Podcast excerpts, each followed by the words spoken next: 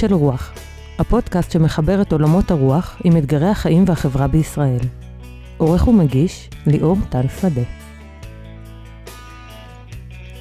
שלום לכן ולכם, קולות של רוח הפרק ה-65, איזה כיף, פרק חדש, אנחנו בתוך סדרה על מסכים. הסדרה הזאת, אני מזכיר, נולדה כתוצאה מעיסוק של שנה שלמה בבית המדרש של אה, מנחי קולות בנושא הזה. שני הפרקים הקודמים הקדשנו אותם לקרב על תשומת הלב, ואנחנו מגיעים עכשיו אה, לחלק הבא של הסיפור. החלק הבא של הסיפור הוא ניסיון לגעת, ואני אומר את המילה לגעת פה כי הנושא הוא כל כך רחב ואינסופי, לגעת במשהו באתיקה.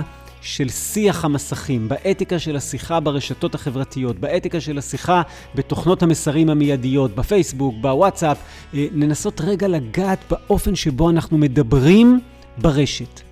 וכמו שאנחנו עושים בפרקים האלה, אני אנסה לייצר איזושהי שפה יהודית סביב זה, או אם תרצו, אה, לקחת השראה רבה ממקורות יהודיים סביב העניין הזה.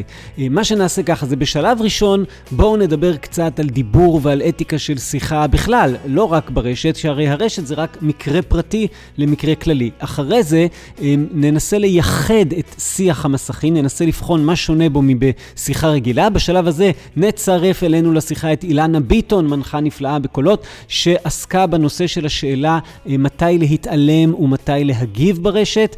ובחלק האחרון של הפרק ננסה לעסוק בשאלה שהיא קשה מאוד לפיצוח, אה, מתי מן הראוי ונכון למחוק תגובה של מישהו, לחסום מישהו ברשת, אולי אפילו להתלונן עליו לרשויות של הרשת, כן? אה, מתי נכון להגיב בצורה מצנזרת ובצורה חוסמת דיון, כי הגיעו מים עד נפש או מכל סיבה אחרת. אז זה בעצם מה שאנחנו הולכים לדון פה בפרק. את ההתחלה, אני אומר מראש, אני לדבר על דיבור כללי ועל מחלוקת באופן כללי, זה וואחד נושא, זה יכול לכלכל לא פרק שלם, סדרה שלמה. אני מציג עכשיו משהו מאוד מאוד ראשוני על קצה המזלג בשבע דקות, אה, רק כדי שזה ייתן לנו כלים אחרי זה, כי הנושא שלנו עכשיו הוא השיח במסכים ולא שיח באופן כללי.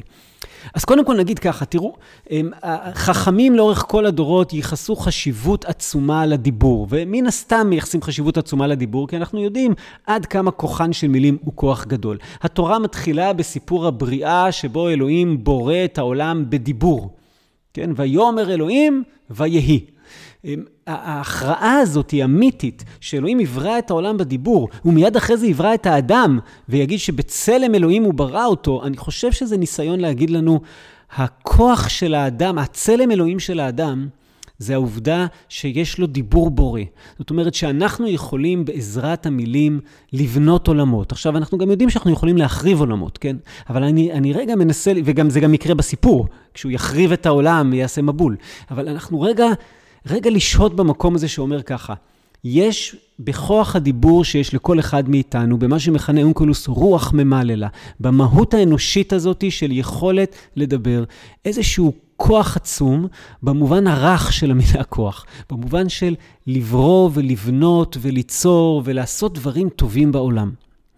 עכשיו, חז"ל השקיעו הרבה מאוד גם בלנסות לפתח את הכוח הזה, וגם בלנסות להגביל אותו כדי שהוא לא יעשה דברים אחרים. אחת ההגבלות היא פשוט אה, ניסיון לגרום לנו לשתוק יותר. פשוט לדבר פחות, אה, להשתמש פחות במילים כשלא צריך להשתמש בהם, כן? לעולם ירבה אדם בשתיקה ולא ידבר אלא בדבר חוכמה או בדברים שהוא צריך להם.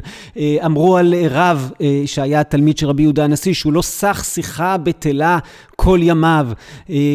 הטענה, יש על זה אינסוף כתיבה, גם בחז"ל, הרמב"ם אה, בהלכות דעות, כן, שם את זה מאוד חזק, לנסות סייג לחוכמה שתיקה, לא למהר להשיב, לא להרבות לדבר, אלא לנסות לחשוב רגע על המילים שלנו. עכשיו, אני לא בא פה בכלל להטיף לשתיקה, בטח לא אני שמבלבל את הדעת בלי סוף ושמתפרנס מלדבר, אבל הם נתנו לנו איזה כיוון שאומר, יכול להיות שאנחנו קצת מדברים יותר מדי.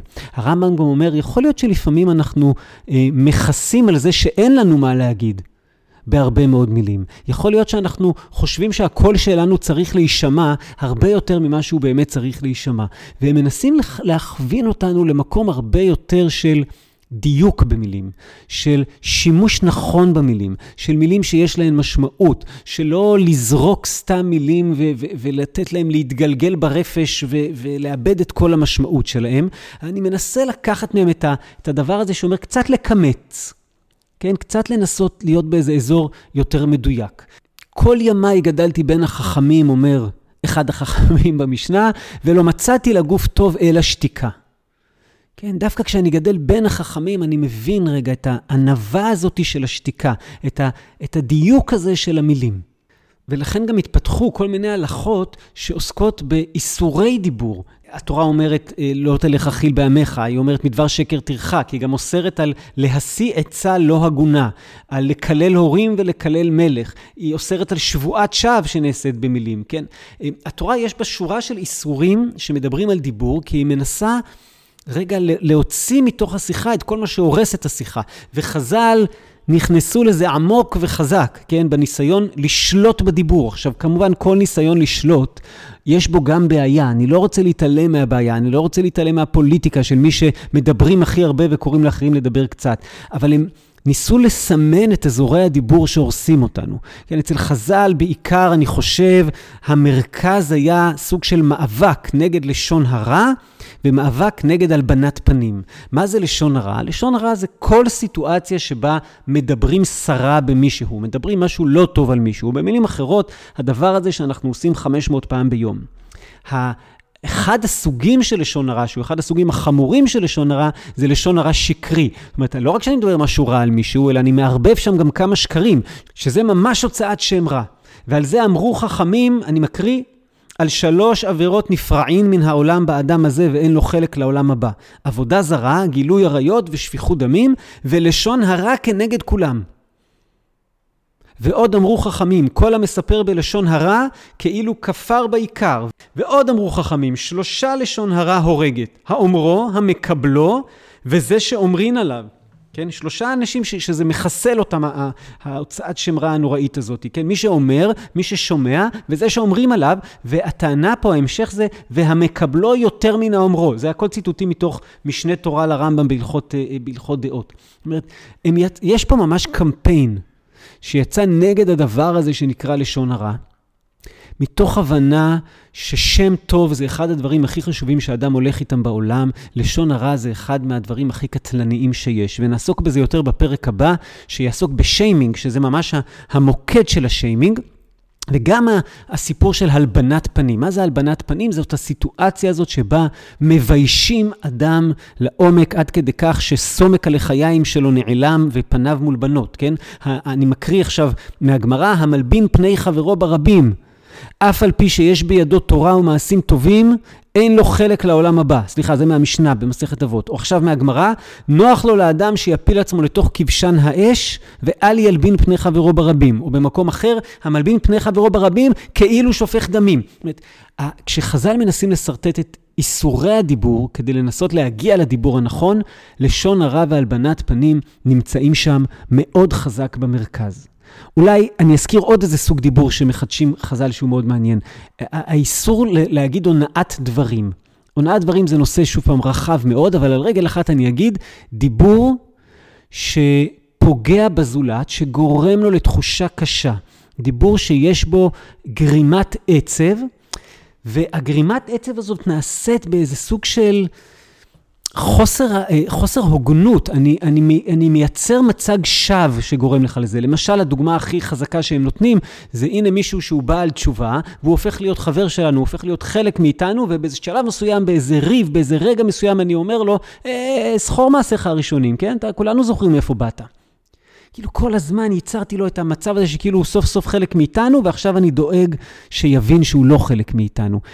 זה האזור של הונאת דברים, של לפגוע באדם פגיעה כל כך חריפה ברגשותיו בתוך דיבור. וכל הזמן יש את המתח בין להיות אמיתי לגמרי, להגיד את מה שעל ליבי, להיות כן, להגיד את הדברים בפרצוף, לבין האזור של הונאת דברים, של לנסות לא לצער אדם. יש גם ערך של שלום בעולם, יש ערך של אהבה בעולם. איך אני מצליח לאזן את הדברים? הדברים האלה. עכשיו, למה ברשתות החברתיות ובשיח המסכים הדבר הזה הוא עוד יותר חזק ורק מחריף? אחד, זה כל כך זמין וזה כל כך מהיר וזה מגיע לכל כך הרבה אנשים. זאת אומרת, כשאני עכשיו בטעות פלטתי משהו בשיחה זוגית ופגעתי בזוגתי חס וחלילה, אבל אנחנו יודעים, זה יקרה, אני לא שולט עד הסוף, אה, יצאו לי כמה מילים שלא התכוונתי אליהם, עכשיו יש לי עבודה לתקן. אבל זה עבודה בין שניים. הרבה פעמים בשיח המסכים, הזמינות והמהירות והעובדה שזה ישר רץ לאיזה מקום כל כך פומבי, גורם לזה שעכשיו נורא קשה לתקן, כי עכשיו ראו את זה 30 איש, ועוד כמה דקות זה כבר יהיה 100 איש, ועוד כמה דקות זה כבר יהיה 2,000 איש, וכן הלאה וכן הלאה. ויותר מזה, הכתוב הוא הרבה פעמים נצחי. זאת אומרת, משהו שהסתובב לו ברשת, הרבה פעמים כבר אין איך להוריד אותו. אני יכול לנסות למחוק כמה שאני ארצה, גוגל יזכור, ומישהו עשה צילום מסך, וזה נשאר שם לתמיד. ויותר מזה, אה, אחד מהדברים שמייחדים את השיחה ברשת, שהרבה פעמים היא שיחה עם מישהו שאני לא מכיר ושמעולם לא פגשתי, וגם תוך כדי השיחה אני לא פוגש אותו, אלא אני מדבר עם מה שנראה לי כ... כישות וירטואלית, והרבה יותר קל לא לשים לב ולפגוע אה, בישות וירטואלית ולהיות יהיר כלפי ישות וירטואלית וכן הלאה. אני אגיד לכם מניסיון שלי, כן, אני... אה, הקלטתי כמה אה, טורי דעה אה, מדוברים כאלה ברשת 13, היה להם פעם מדור דיבור, גם הראו את זה בטלוויזיה וגם זה רץ ברשת. וכשזה רץ ברשת זה זוכה להמון צפיות, כן? הסרטון, 150 אלף צפיות, 160 אלף צפיות, וכשם שזה זוכה להרבה צפיות, כך זה זוכה להמון תגובות. וכשאתה יושב לקרוא את התגובות, אני אומר לכם, זה שוק מוחלט. אני עושה סרטון על ביאליק, על נדנד, ונכון שאני מעביר בו גם איזשהו מסר שאומר יהדות פלורליסטית וכן הלאה, ויש מקום לסוגים שונים של פרשנויות, אבל אל מול המסר הזה, שהוא מסר רך, כמות תגובות הנאצה שהיו, כמות הקללות, כמות לשון הרע, כמות הניסיונות להלבין את פניי, ו- ואני, כל מי ש... נמצא ברשת רואה את זה, זאת אומרת, יש שם גם המון המון רעל, ועוד לא אמרתי מילה על ה fake news שהולך ומשתלט והופך כלי, כלי בידיים של שליטים חסרי אחריות, שאומרים, כן, אני יודע שעכשיו מה שאני עושה הוא תערובת של לשון הרע, הלבנת פנים ושקר, ואני עושה את זה כי זה משרת את הצרכים שלי, ואני יודע שגם מיד יהיו איזה בין מאות אלפים למיליונים שיגידו, אה, אם הוא אמר, אז כנראה זה נכון. האתגר של השיחה ברשתות חברתיות הוא וואחד אתגר, הוא אחד האתגרים, סליחה אם אתם תרגישו שאני מגזים במילים הבאות, הוא אחד האתגרים החשובים ביותר שהמאה ה-21 מזמנת לנו. תמיד הדיבור היה אתגר חשוב, תמיד, אבל הרשת החברתית והעוצמה האדירה שלה הופכת את זה להרבה יותר חזק. ואני לא מאלה שאומרים, אוקיי, ראינו את האתגר העצום של הקרב על תשומת הלב, ואיך הדבר הזה יכול הם, אה, אה, פשוט לגנוב אותנו ולחבל במערכות היחסים שלנו ולחבל בעבודה שלנו וכן הלאה. ראינו את האתגר העצום של הדיבור, איך הדבר הזה יכול עכשיו למוטט אנשים וכן הלאה. אז בואו פשוט נצא מהרשת החברתית, נגיד רשת חברתית זה לא טוב, ונמשיך הלאה. אה, זאת לא שיטה שאני מאמין בה, פשוט להגיד בוא, בוא רגע, תעצרו את העיר, אני רוצה לרדת. אז בעצם הצגנו כאן שורה של אתגרים, ואל מול האתגרים האלה, מה, כש, זאת אומרת, כשהם מופיעים, כשכרגע אני נמצא בתוך שיחה ברשת החברתית, והופס, המון לשון הרע, הופס, מלא fake news, הופס, הלבנת פנים, זאת אומרת, כשאני נמצא בתוך זה, יש לי בעצם בענק ארבע אפשרויות. אפשרות אחת היא פשוט להתעלם. פשוט מין התעלמות זורמת כזאת, אוקיי, זה בעיה שלו שככה הוא מדבר, ואני פשוט ממשיך. אפשרות שנייה זה תוכחה באופן פרטי, זאת אומרת, אני רגע יוצא מהשיח הקבוצתי, אני פונה באופן פרטי לאותו אדם, ואני אומר לו מה אני חושב, אני מנסה להגיע איתו לשיחה שאומרת לו, תשמע, לא ככה. אפשרות שלישית היא תוכחה פומבית, זאת אומרת, כולם עכשיו חלק מהשיח, כולם ראו ושמעו את הדברים, ולכן אני צריך להגיב להם באופן פומבי, באופן כזה שינסה, אם, אם זה לא יצליח להפסיק אותו, לפחות זה יצליח לשים איזה איזון. וכשיש אפשרות טכנית, אז יש אה, דברים אה, יותר חריפים שאפשר לעשות. אני יכול למחוק את מה שהוא כתב, ואני יכול לחסום אותו ולא לאפשר לו להיות חלק מהשיחה. אז השאלה של מחיקה ושל חסימה, אנחנו נעסוק בה אה, ממש עוד מעט בחלק הבא של הפרק הזה, אבל אני רוצה רגע להיות בשאלה של בכלל התעלמות או תוכחה. ובשאלה של התעלמות או תוכחה, מצטרפת אלינו לשיחה אילנה ביטון. שלום אילנה. שלום, שלום. וכפי שוודאי כולכם זוכרים, אילנה היא מנחה בקולות, אה, אילנה גרה בירוחם, והיא אה, השת... אה, כבר הצטרפה לפודקאסט והשתתפה באחד הפרקים, אחרי שהרבה זמן היא לא, היא אמרה שזה לא בשבילה, ועכשיו היא תתחיל להופיע בכל פרק שני, אתם מבינים? זהו, היא כאן איתנו to stay. אז אילנה איתנו מרחוק, אנחנו בהקלטה מרחוק של השיחה הזאת, ואני מקווה שאתם לא שומעים עכשיו ירידה באיכות הטכנית לעומת שאר הפרק, ואם כן, לא נורא, תגבירו טיפה ותגידו לעצמכם קורונה וזה, ומרחקי נסיעה ארוכים, ותהיו נחמדים ותקבלו את זה באהבה.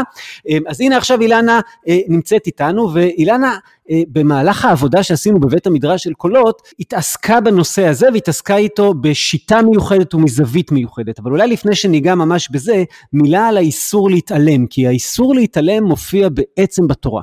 האופציה הזאת שהצעת אותה כאופציה ראשונה של התעלמות, אמ, לא סתם היא הייתה אצלך האפשרות הראשונה, כי אני חושבת שהיא מאוד פשוטה ומאוד טבעית, ואולי ברירת המחדל שלנו כבני אדם. וכשבאמת עסקנו בנושא הזה, אז המילה הזאת, התעלמות, קפצה לי מתוך אה, מצווה בתורה שאולי באה מתחום אחר, אבל עוד מעט אנחנו נראה עד כמה היא בעצם קשורה לנושא שלנו. אה, המצווה היא מצוות השבת אבדה, ונקרא את הפסוקים מתוך ספר דברים, זה מוזכר פעמיים בתורה, אני קוראת בספר דברים. לא תראה את שור אחיך או את שיו נידחים, והתעלמת מהם. השב תשיבם לאחיך. ואם לא קרוב אחיך אליך, ולא ידעתו, ואספתו אל תוך ביתך, והיה עמך עד דראש אחיך אותו, והשבותו לו. וכן תעשה לחמורו, וכן תעשה לשמלתו, וכן תעשה לכל אבדת אחיך אשר תאבד ממנו, ומצאתה. לא תוכל להתעלם. הפסוקים האלה שהם לכאורה מדברים על השבת אבדה. כן, משהו הלך לאיבוד לאדם אחר ואתה מוצא ואתה מחויב להחזיר.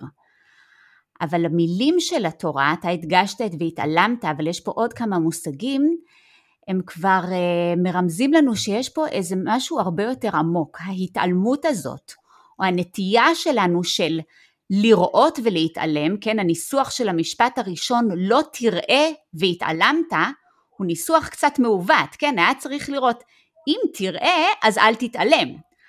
אבל התורה אומרת לנו לא תראה והתעלמת, משמע יש לנו נטייה טבעית להסתובב בעולם ולהשתדל לפעמים לא לראות דברים שדורשים את המאמץ הזה מאיתנו ולהתעלם. ואז התורה אומרת, השב תשיבם, היא לא מסתפקת במילה אחת, אלא אומרת שוב ושוב, אתה חייב לעשות את זה כי זה לא כל כך פשוט. זה נורא מעניין גם כי הדגש הזה על אחיך, זה מופיע שם, אם ספרתי נכון, חמש פעמים בטקסט יש אחיך, הוא הולך לאיזה מקום כאילו של ערבות הדדית, של תחושה של אמפתיה, שאני מרגיש שהוא אח שלי וכאלה, ובמקור השני שציינת אותו, של ספר שמות, יש שם כי תראה חמור שונאך רובץ תחת מסעו, וחדלת מעזוב לא עזוב תעזוב עמו, יש שם כי תפגע שור אויבך או חמורו טועה, השב תשיבנו לו, זאת אומרת שמה זה כבר אויב, זה שונא, זה לא אחי, ועדיין לא רוצים שאני אתעלם, ועדיין אני צריך לאשב תשיבנו לו. בהחלט. וזה גם המילים האלה של אחיך, גם המושגים שאתה ציינת של קל, של אויב, אמ, וגם עוד מילים של קרבה, ואם לא קרוב אחיך אליך ולא ידעתו, ואספתו אל תוך ביתך והיה עמך. אנחנו שומעים שוב ושוב את הקריאה הזאת לאדם ל- ל- להרגיש קרוב, לאסוף אל תוך ביתו, והיה עמך, תהיה עם האדם הזה שאיבד משהו, שיש לו מצוקה, ואתה צריך לפתח אחריות. ואני חושבת אולי הכי חזק זה הסיום, אחרי שכתוב לנו לא להתעלם, בסוף התורה חוזרת שוב וכותבת וכל עבודה זהו מצאתה לא תוכל להתעלם. מה זה לא תוכל? לא מצווים ככה לא תוכל. אבל התורה רוצה שנהיה סוג כזה של אנשים שמסתובבים בעולם ולא יכולים להתעלם. אולי זה שיא האידיאל שאנחנו צריכים להגיע אליו כאנשים. אז כאילו בעצם את אומרת לנו, אמנם הטקסט עוסק באופן ישיר בהשבת אבדה, אה, אבל אני לוקחת אותו ואני אומרת, הוא, הוא רלוונטי לכל היתקלות בחיים, לכל שאלה חברתית, לכל מצב שאני רואה אדם במצוקה, כן, זה אולי קשור גם ללא תעמוד על דם רעך. את אומרת, האיסור להתעלם הוא איסור קיומי שנמצא תמיד, ורק מביאים לנו אותו דרך השבת אבדה, וגם השבת אבדה, אם אני מבין נכון, את אומרת, רגע, תסתכלו על זה כסמל, כן? שלאדם עובד משהו, זה יכול להיות אבדה פנימית, נפשית, רגשית, אה, אה, משהו חסר לו. לחלוטין. אמ, ואני נתלית בעליונות גבוהים, לא המצאתי שום גלגל. אמ, בעולם היהודי שלנו יש לנו כלי נפלא שהמציאו אותו חכמים שנקרא מדרש, שאתה בעצם לוקח את הכתובים אמ, ואתה דורש אותם, ואתה יכול לדרוש אותם בשני אופנים. אתה יכול להגיד, יש לי פה בעצם, אני חושב שיש פה משהו חבוי מאחורי הכתוב ואני אוציא אותו החוצה, כי בעצם הכתוב התכוון לזה, ויש סוג נוסף של מדרש, שיש לך רעיון חדש, יש לך איזשהו אה, אתגר חדש, יש לך נורמה חברתית עכשווית שאתה צריך לעצב אותה או לקבע בה משהו חדש, ואתה אומר, אני, אה, זה לא נמצא בתורה, זה לא היה קיים פעם, אבל אני רוצה עכשיו להביא את זה כהלכה חדשה, כרעיון חדש, כנורמה אה, מחייבת, ואתה פשוט נתלה על משהו של העבר ומביא את הרעיון החדש שלך. אז זה בעצם כלי שהחכמים יצרו ונטלו לעצמם חופש עצום לחדש מבלי צורך אה, לעמוד במבחן החוק אפילו, או לדאוג שזה לא יהיה בגיץ. יש רעיון חדש וחשוב, אני יכול להתעלות על מה שהיה בעבר, ויש לזה עכשיו תוקף חדש. כן, אני רוצה להגיד שאחת הבעיות שעם, עם הדבר הזה הייתה שרק גברים עשו את הפעולה הזאת, והנה בעשרות השנים האחרונות אה, יש יותר ויותר מדרשים שכותבות כיום נשים, ויצאו כמה ספרים של מדרשי נשים, וכשאנחנו הלכנו לעשות את העבודה שלנו אה, אה, בקולות, אז אנחנו הגברים כתבנו לנו מאמרים כאלה בשפה גבוהה, והנה את הלכת וכתבת בעצם מדרש עכשווי על הפסוקים האלה. אכן זה באמת אה, יותר דיבר אל ליבי, אה, אני חושבת שזה שני צורות שמשלימות זו את זו, אתה חייב את המקום של החוק וכתיבת ההלכה והפלפול וחיפוש התקדימים, אמ, אבל לא פחות חשוב זה המקום הזה של יצירה. אה, אין שום התייחסות אינטרנט ותקשורת כזאת בעבר, זה חדש, יש פה דברים שאפשר להתבסס עליהם, אבל יש פה דברים חדשים שאנחנו צריכים להיות יצירתיים ולתת להם מענה, וזה מה שעשיתי בכתיבה של המדרש. נפלא, אז אני עכשיו קורא למי שמאזינות ומאזינים לנו, אה, עכשיו צריך סוג אחר של הקשבה, בסדר? אנחנו צריכים רגע עכשיו אה, אה, שיא של ריכוז, בדקה-שתיים הקרובות אני אבקש מאילנה אה, להקריא את המדרש שהיא כתבה, אנחנו נקריא לנו שני מדרשים, להקריא את המדרש הראשון, אה, וזה דורש, זה כמובן כתיבה מדרשית, היא, היא מאוד, היא מכניסה הרבה במעט מילים, והיא דורשת איזו הקשבה מזוקקת. אז אה, אנחנו מתכווננים להקשבה, אילנה, ואת מוזמנת להקריא לנו. כן, בכל זאת אני אוסיף משפט כדי לעזור. בעצם מה שעשיתי זה שכתבתי את פסוקי המקרא, כתבתי אותם על הנושא של התקשורת שלנו, והוספתי להם פירוש. לא תראה פוסט, מייל, משפט, מילה פוגעניים והתעלמת מהם. השב תשיב. פירושו, ולמה נאמר לא תראה, והלא רואה הוא? היה עליו לומר כי תראה. אלא דרכו של אדם לבחור שלא לראות. וכן נאמר והתעלמת, שזהו טבעו של אדם, ועליו נאמר לא. ולמה נאמר השב תשיב? אם נכון בעיניו, יענה בהשב, ואם נכון, בהשב לכולם. ואם לא קרוב הנפגע אליך, ולא ידעת את עומק הנושא הנדון, ואספתו אל תוך לבך והיה עמך. פירושו, על מי נאמר ואספתו אל תוך לבך? אם תאמר האדם הנפגע, יחזיק בו ויחזקהו, שנאמר ומבשרך לא תתעלם. אם תאמר הנושא הנדון, למד והעמק ככל כוחך, שנאמר והגית בו יומם ולילה. תורה היא ועליך ללומדה.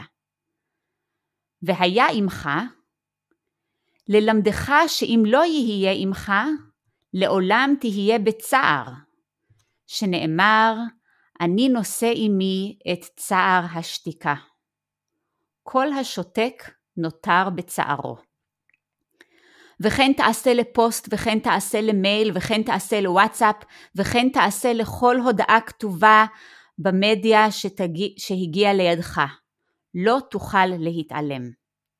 פירושו, מדוע חזר ושנה הכתוב לא תוכל להתעלם, והרי כבר ציווה הכתוב לא תראה והתעלמת.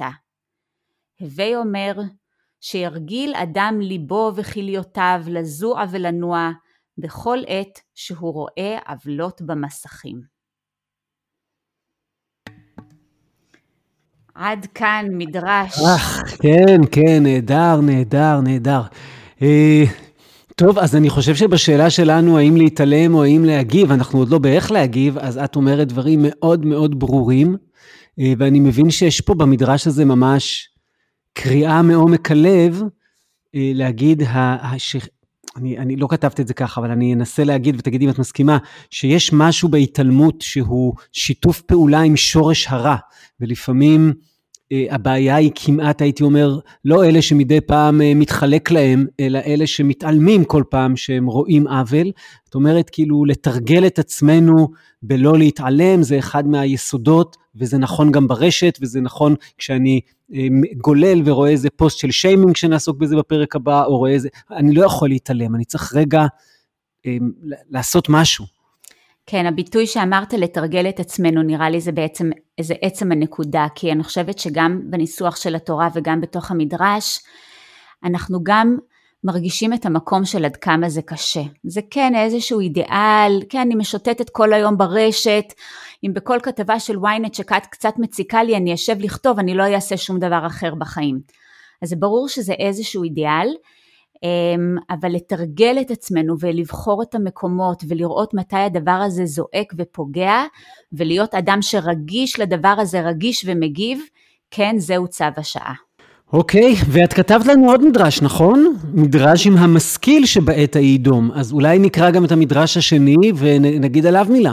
אכן, קצת עומס, אבל אנחנו נתרכז. המדרש השני כתוב בסגנון טיפה אחר. אמ, יש הרבה סגנונות של מדרשים.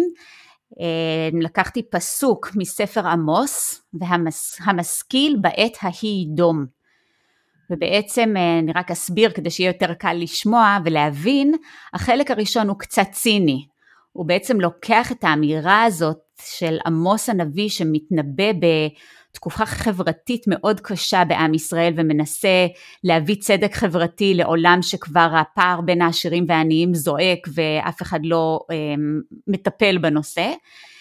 אה, אז אני בהתחלה ככה קצת אה, צוח, אה, מתייחסת בציניות למשפט שלו המשכיל בעת ההיא דום, אחר כך מנהלת עם זה שיח בעזרת פסוקים אחרים, ובחלק השלישי חוזרת לעמוס הנביא לכוונתו המקורית. קדימה.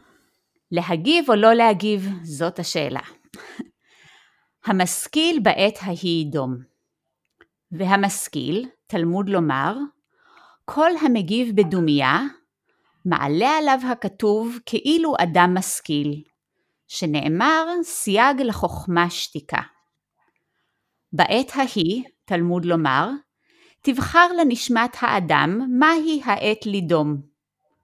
כל מקום שנאמר בו בעת ההיא, כיוון הכתוב לתחושת הנשמה באותו הרגע. יידום, תלמוד לומר, וידום אהרון. כל הלומד מדרכו של אהרון, הרי זה נתלה באילנות גבוהים. ומהי נפקא מינה? מוטב לו לאדם שלא יגיב. ישב תחת גפנו ותאנתו, ייקרא משכיל, ויאמר שנתלה באילנות גבוהים. והלא נאמר, אל דומי לך, אל תחרש ואל תשקוט, שלא יתקיים בנו, כי הנה אויביך יהמיון ומשנאיך נשאו ראש. ונאמר קול דממה דקה, לא נאמר דממה דקה, אלא קול דממה, משמע שאלוהים נמצא בקול. ונאמר קול אדוני בכוח, קול אדוני בהדר, אדוני עוז לעמו ייתן, אדוני יברך את עמו בשלום. מכאן שכל המשמיע קולו בכוח ועוז, מביא שלום. וכנגדם, מן המפורסמות היא, שמפני שלא מיחו רבנן, חרב בית המקדש. אף עמוס הנביא שאמר והמשכיל בעת ההיא דום, לא נדם, ואף שננזף חוזה לך ברח, לא נעלם, אלא עמד והוכיח מלכים ועם כדי להבטיח שדבר אדוני יקוים. ונטעו כרמים ושתו את ינם, ולא ינטשו עוד מעל אדמתם. נהדר, אני חושב, מי שהקשיב טוב, שמע שבעצם יש המון מקורות, לא רק את ספר עמוס בתוך המדרש, גם במדרש הקודם היה שילוב של כמה מקורות, אז נגיד, קודם כל, מי שרוצה לקבל את המדרשים כתובים, אני חושב שאפשר לארגן את זה, כן, אז אה, תפנו אלינו ו- ונדאג לזה. אה, אני רוצה לשאול משהו בתוך המדרש שאמרת, שתפס אותי חזק, וזה הסיפור הזה ש- שאת רומזת אליו, אני חושב, שאת אומרת, חלק מהאנשים האלה שאנחנו מכירים היום שנקראים אינטלקטואלים, שנקראים אה, אה, משכילים, שנקראים אולי רבנים, שנקראים אולי פרופסורים, אה, כאילו, את אומרת, הם, הם מקבלים את המעמד שלהם דרך זה שהם דווקא לא מתבטאים במקומות שצריך להתבטא, שיש איזו אה, שתיקה שמאפשרת לי לחשב משכיל? אה, אפילו אולי יותר חמור מזה, זה לא רק השתיקה, זה ה... אמ, הנטייה, שאני, יש לנו נטייה כחברה אמ, להרגיש בנוח בתוך ועדת ביקורת, אולי אני אגדיר את זה ככה. אדם שיודע לבקר, שיודע להגיד מה רע, להצביע על העוול, לנתח אותו, לכעוס, להתייחס בצורה בוטה, אמ, הוא האדם המקבל קרדיט, הוא מקבל אהדה ציבורית, לא על עצם העשייה. אלא רק על היכולת להראות את עצמו כמשכיל, יודע לנתח את המצב ויודע להגיד מה רע. ולצערי הרב אני מרגישה שזה ממש מקום שהוא עוצר את התיקון. כי התיקון, העשייה בשטח היא יותר קשה, היא סיזיפית, היא מלכלכת, היא תובענית, היא, היא מביאה טעויות, יש בעטייה נפילות, הרבה יותר קל להישאר סטרילי. ולשבת מאחורי המקלדת ולכתוב עד כמה רע אה, המצב או עד כמה אנשים פועלים בצורה שלילית וזאת סכנה מאוד מאוד גדולה כי האדם שעושה ככה אותו משכיל הוא אפילו טופח לעצמו על השכם ומרגיש שהוא עשה את העבודה הנכונה והעוול נשאר עומד במקומו מבלי שיימצא אמיץ שיבוא ויתקן. אני רוצה רגע להבין, אבל את, את אומרת לנו אסור לנו להתעלם, ואת אומרת שכשאנחנו רואים עוול אנחנו צריכים להגיב, ואותו אדם זה מה שהוא עשה, הוא ראה משהו רע והוא הגיב, והוא הוא, הוא לא שתק, הוא התבטא, הוא אמר זה רע, יש לי ביקורת על זה, אני רוצה רגע אה, לנסות להציג אותה, אני רוצה להיאבק ברע דרך הכלי שיש לי, שזה הכלי של מילים. אז מה ההבדל בין הדבר שאת יוצאת כנגדו לדבר שאת בעצם אה, קוראת לו? שאלה טובה, ובאמת התשובה היא אה, לא בשחור לבן אלא באפור. אמ, נכון, אני במדרש הקודם פניתי לאדם שיושב על המקלדת וקראתי לו לעמוד ולהגיב, אמ, וזה חשוב מאין כמותו. אבל אם אתה מסתפק במקום הזה אמ, ומרגיש טוב עם עצמך, אחרי שכתבת את התגובה ולא חושב צעד אחד הלאה, כאן הפשע הגדול. כי אם עשית משהו בכתיבה והרגשת שבזה הבאת תיקון, אז הסיכוי שמישהו ירים את הכפפה ויתקן את העוולה ויעשה את העבודה הקשה הוא נמוך מאוד וכמעט איננו. אמ, ויש שילוב של הדברים, בסוף אתה צריך להגיב ולהגיד או באותו רגע או למחרת בבוקר רגע, הגבתי, ניסיתי לעצור את הדבר הזה ועכשיו מה אני עושה. כי ההישארות במקום הראשון היא סכנה הכי גדולה כי היא יוצרת את השקר של המשכיל. אני חושב שאת מציבה פה איזה, איזה אתגר, איזה רף מאוד גבוה, כי את אומרת לנו מצד אחד, אה, כשאדם כן אה, אה, מגיב, הוא לא שותק, הוא רואה שכרגע נעשה עוול שמישהו מוציא לשון הרע תוך כדי דיבור ברשת, שמישהו מלבין פנים של מישהו אחר ברשת, והוא כרגע עומד כאן ואומר סליחה, סליחה, עד כאן, והוא מבקר אותו וכן הלאה. זאת אומרת, אתה חייב לעשות את זה מצד אחד, ואתה צריך להבין שלא עשית מספיק אם עשית רק את זה מצד שני, זה, זה אתגר רציני.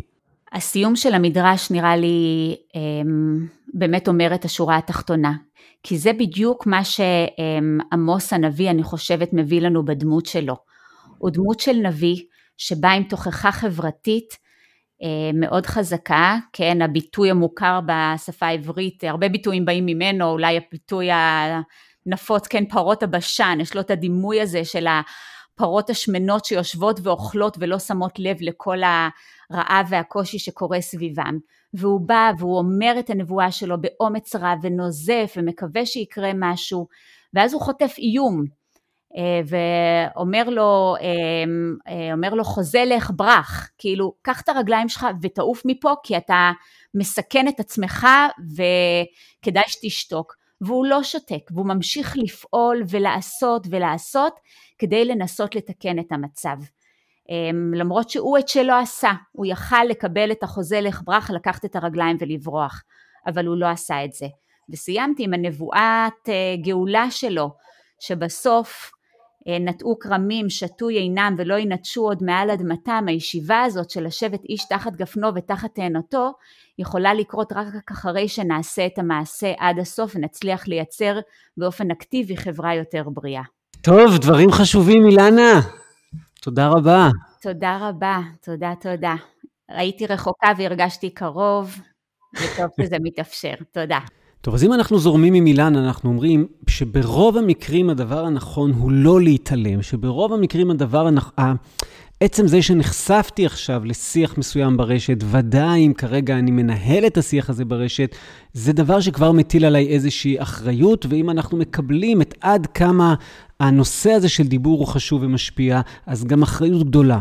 ואז אנחנו שואלים, אז מה לעשות? עכשיו, בזמן לעשות יש כל מיני דברים שאפשר לעשות. אה, אפשר כמובן אה, לדבר באופן פרטי עם אותו אדם. השיח באופן פרטי עם אותו אדם, גם אם אני לא מכיר אותו, יכול להתבצע כמעט בכל פורמט. אם, אם זה בקבוצת וואטסאפ גדולה, אני יכול לפנות אליו בוואטסאפ הפרטי שלו, ואם זה בקבוצת פייסבוק או בדף שלי בפייסבוק, אני יכול לכתוב לו במסנג'ר של הפייסבוק, וכן הלאה. זאת אומרת, כמעט תמיד האופציה טכנית קיימת. אני יכול ליצור קשר עם אותו אדם באופן פרטי, ואז לנסות רגע לדבר אל ליבו, ולנסות להגיד לו, תשמע, אולי עדיף שאת התגובה היא תמחוק, וזה מייצר קצת יותר מדי שנאה, ופה אתה דיברת מהבטן יותר מדי, וממש הוצאת לשון הרע, וזה ממש מלבין פנים ומבייש.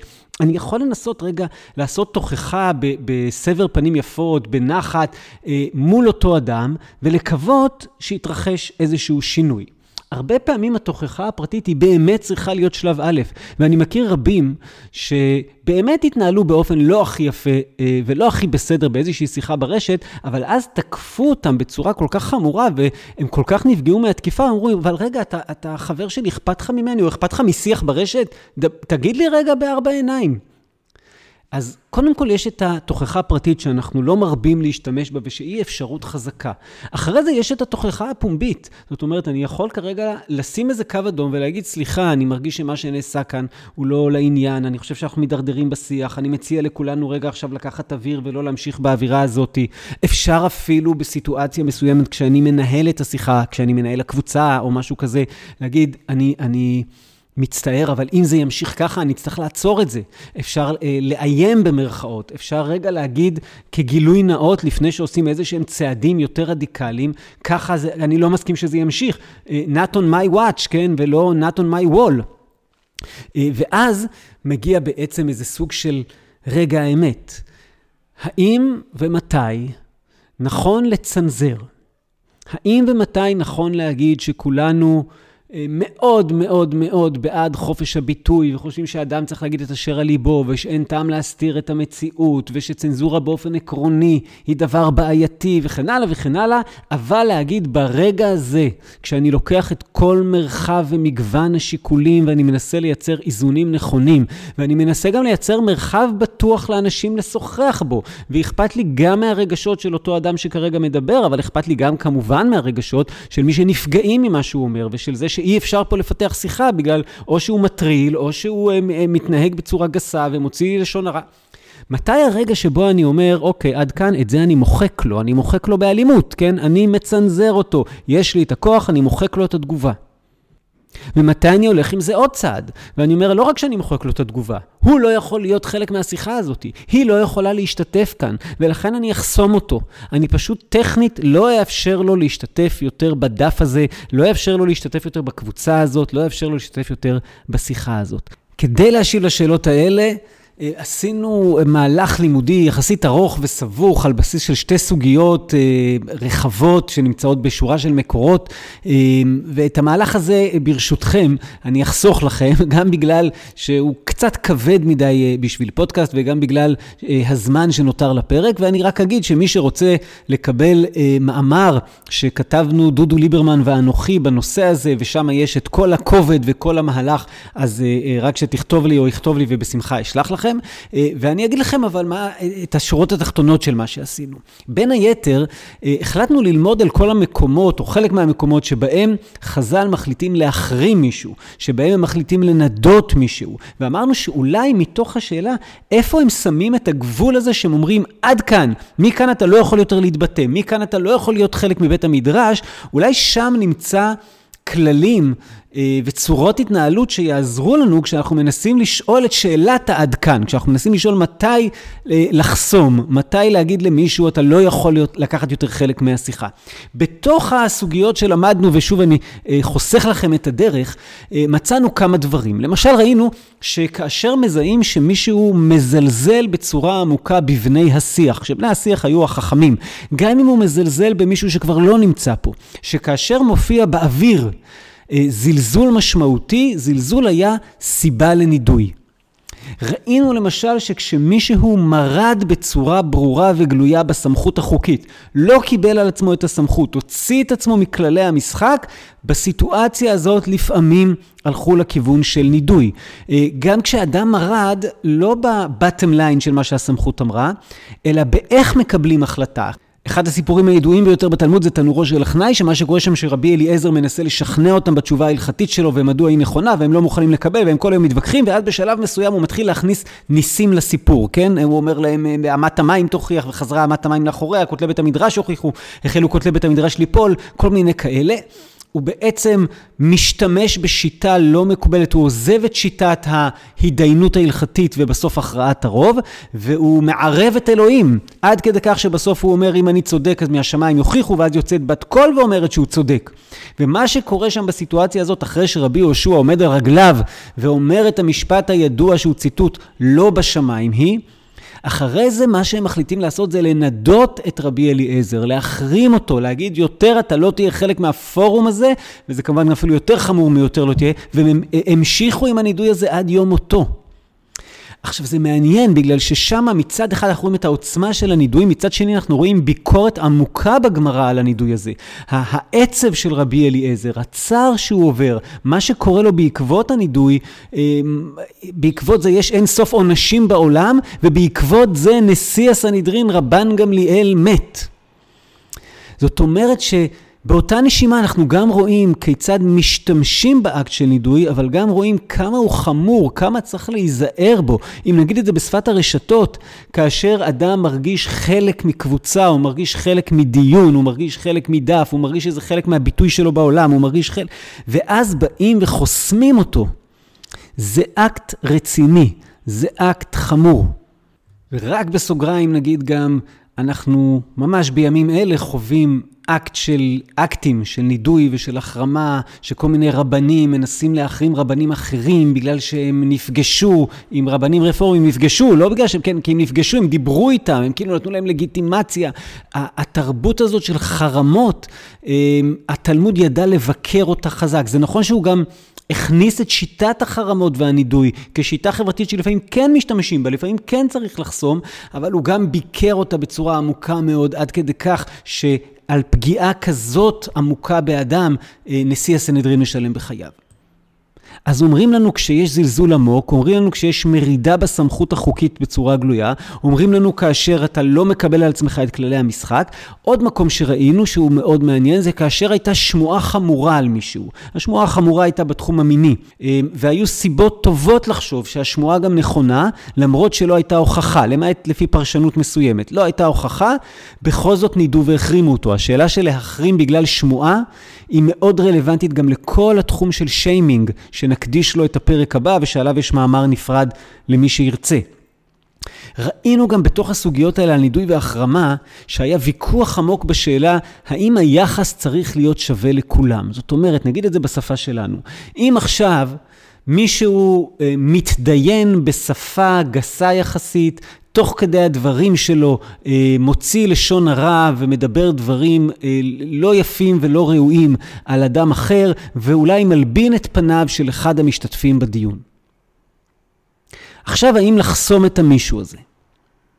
השאלה שהם מעלים זה, האם צריך להיות הבדל בין האם המישהו הזה הוא אה, פרופסור חתן פרס ישראל עם אה, הרבה מאוד קרדיט ומעמד, לבין האם זה אדם מן השורה.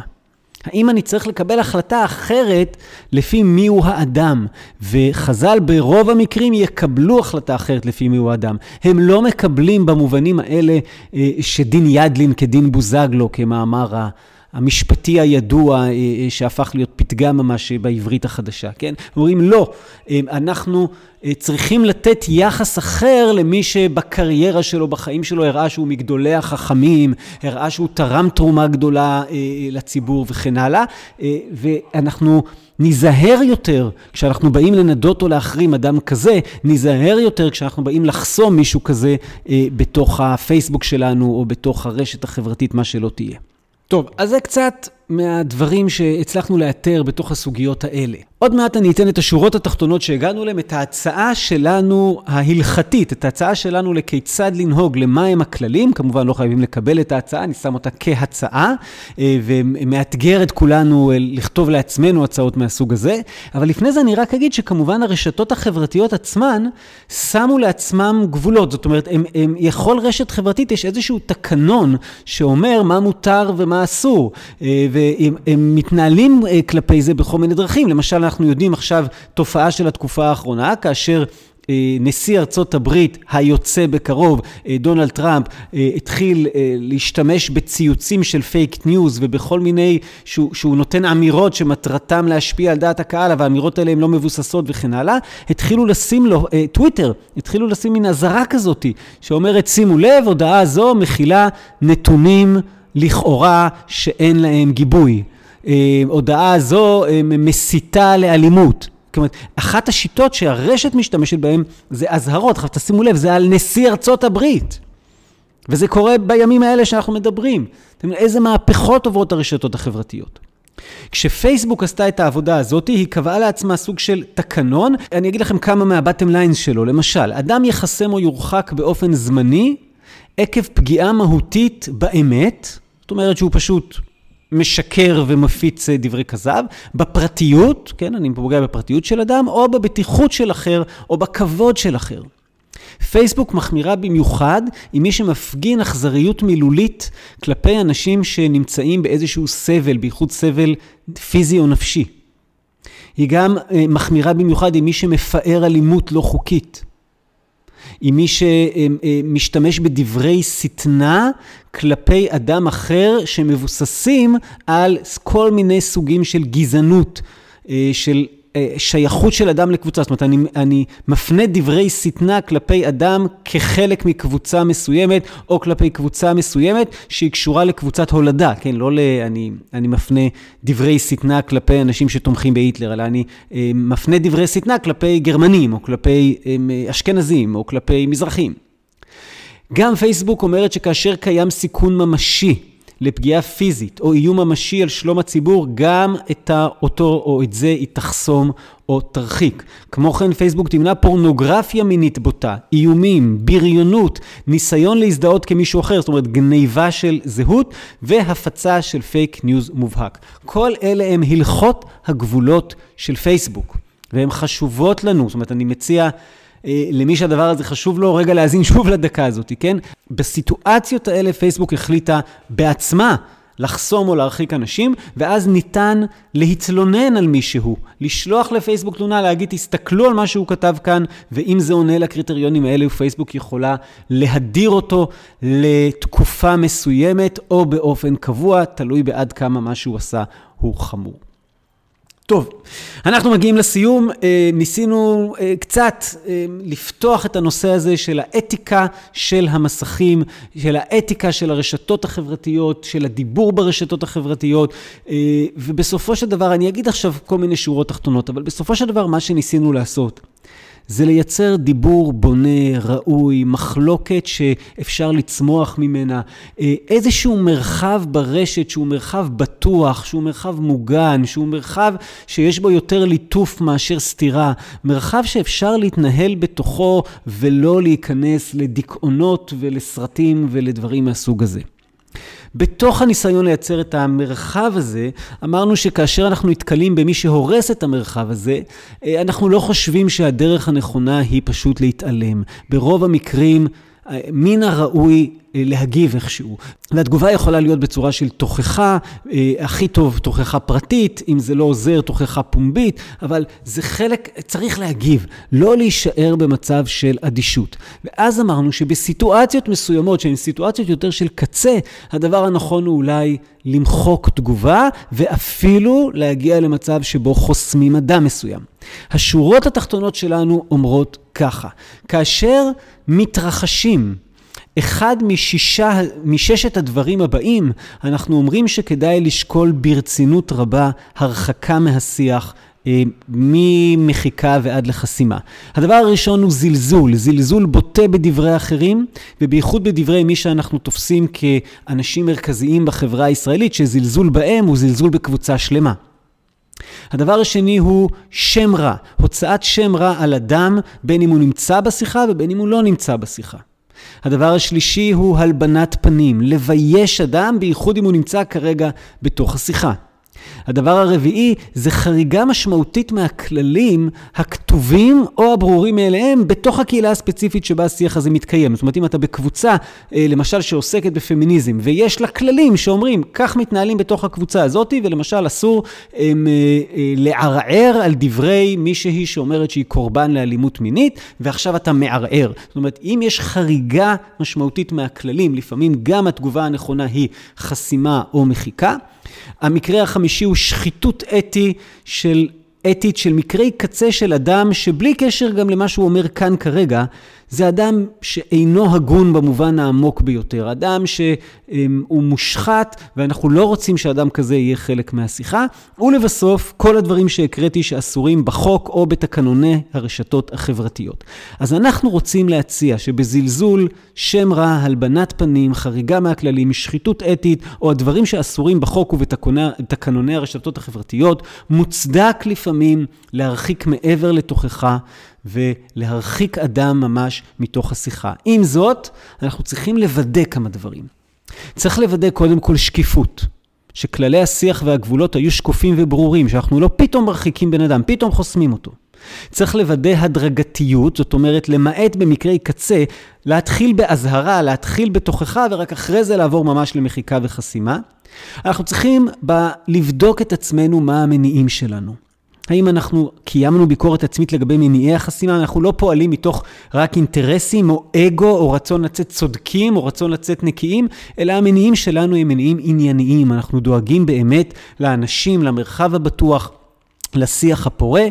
אה, אני חושב שאנחנו צריכים גם להתחשב במעגלים נוספים. זאת אומרת, כאשר אנחנו פוגעים באדם שפגיעה בו היא פגיעה בעוד מעגלים, כי הוא מייצג משהו, אז, אז צריך אולי להיזהר יותר לפני שחוסמים אותו.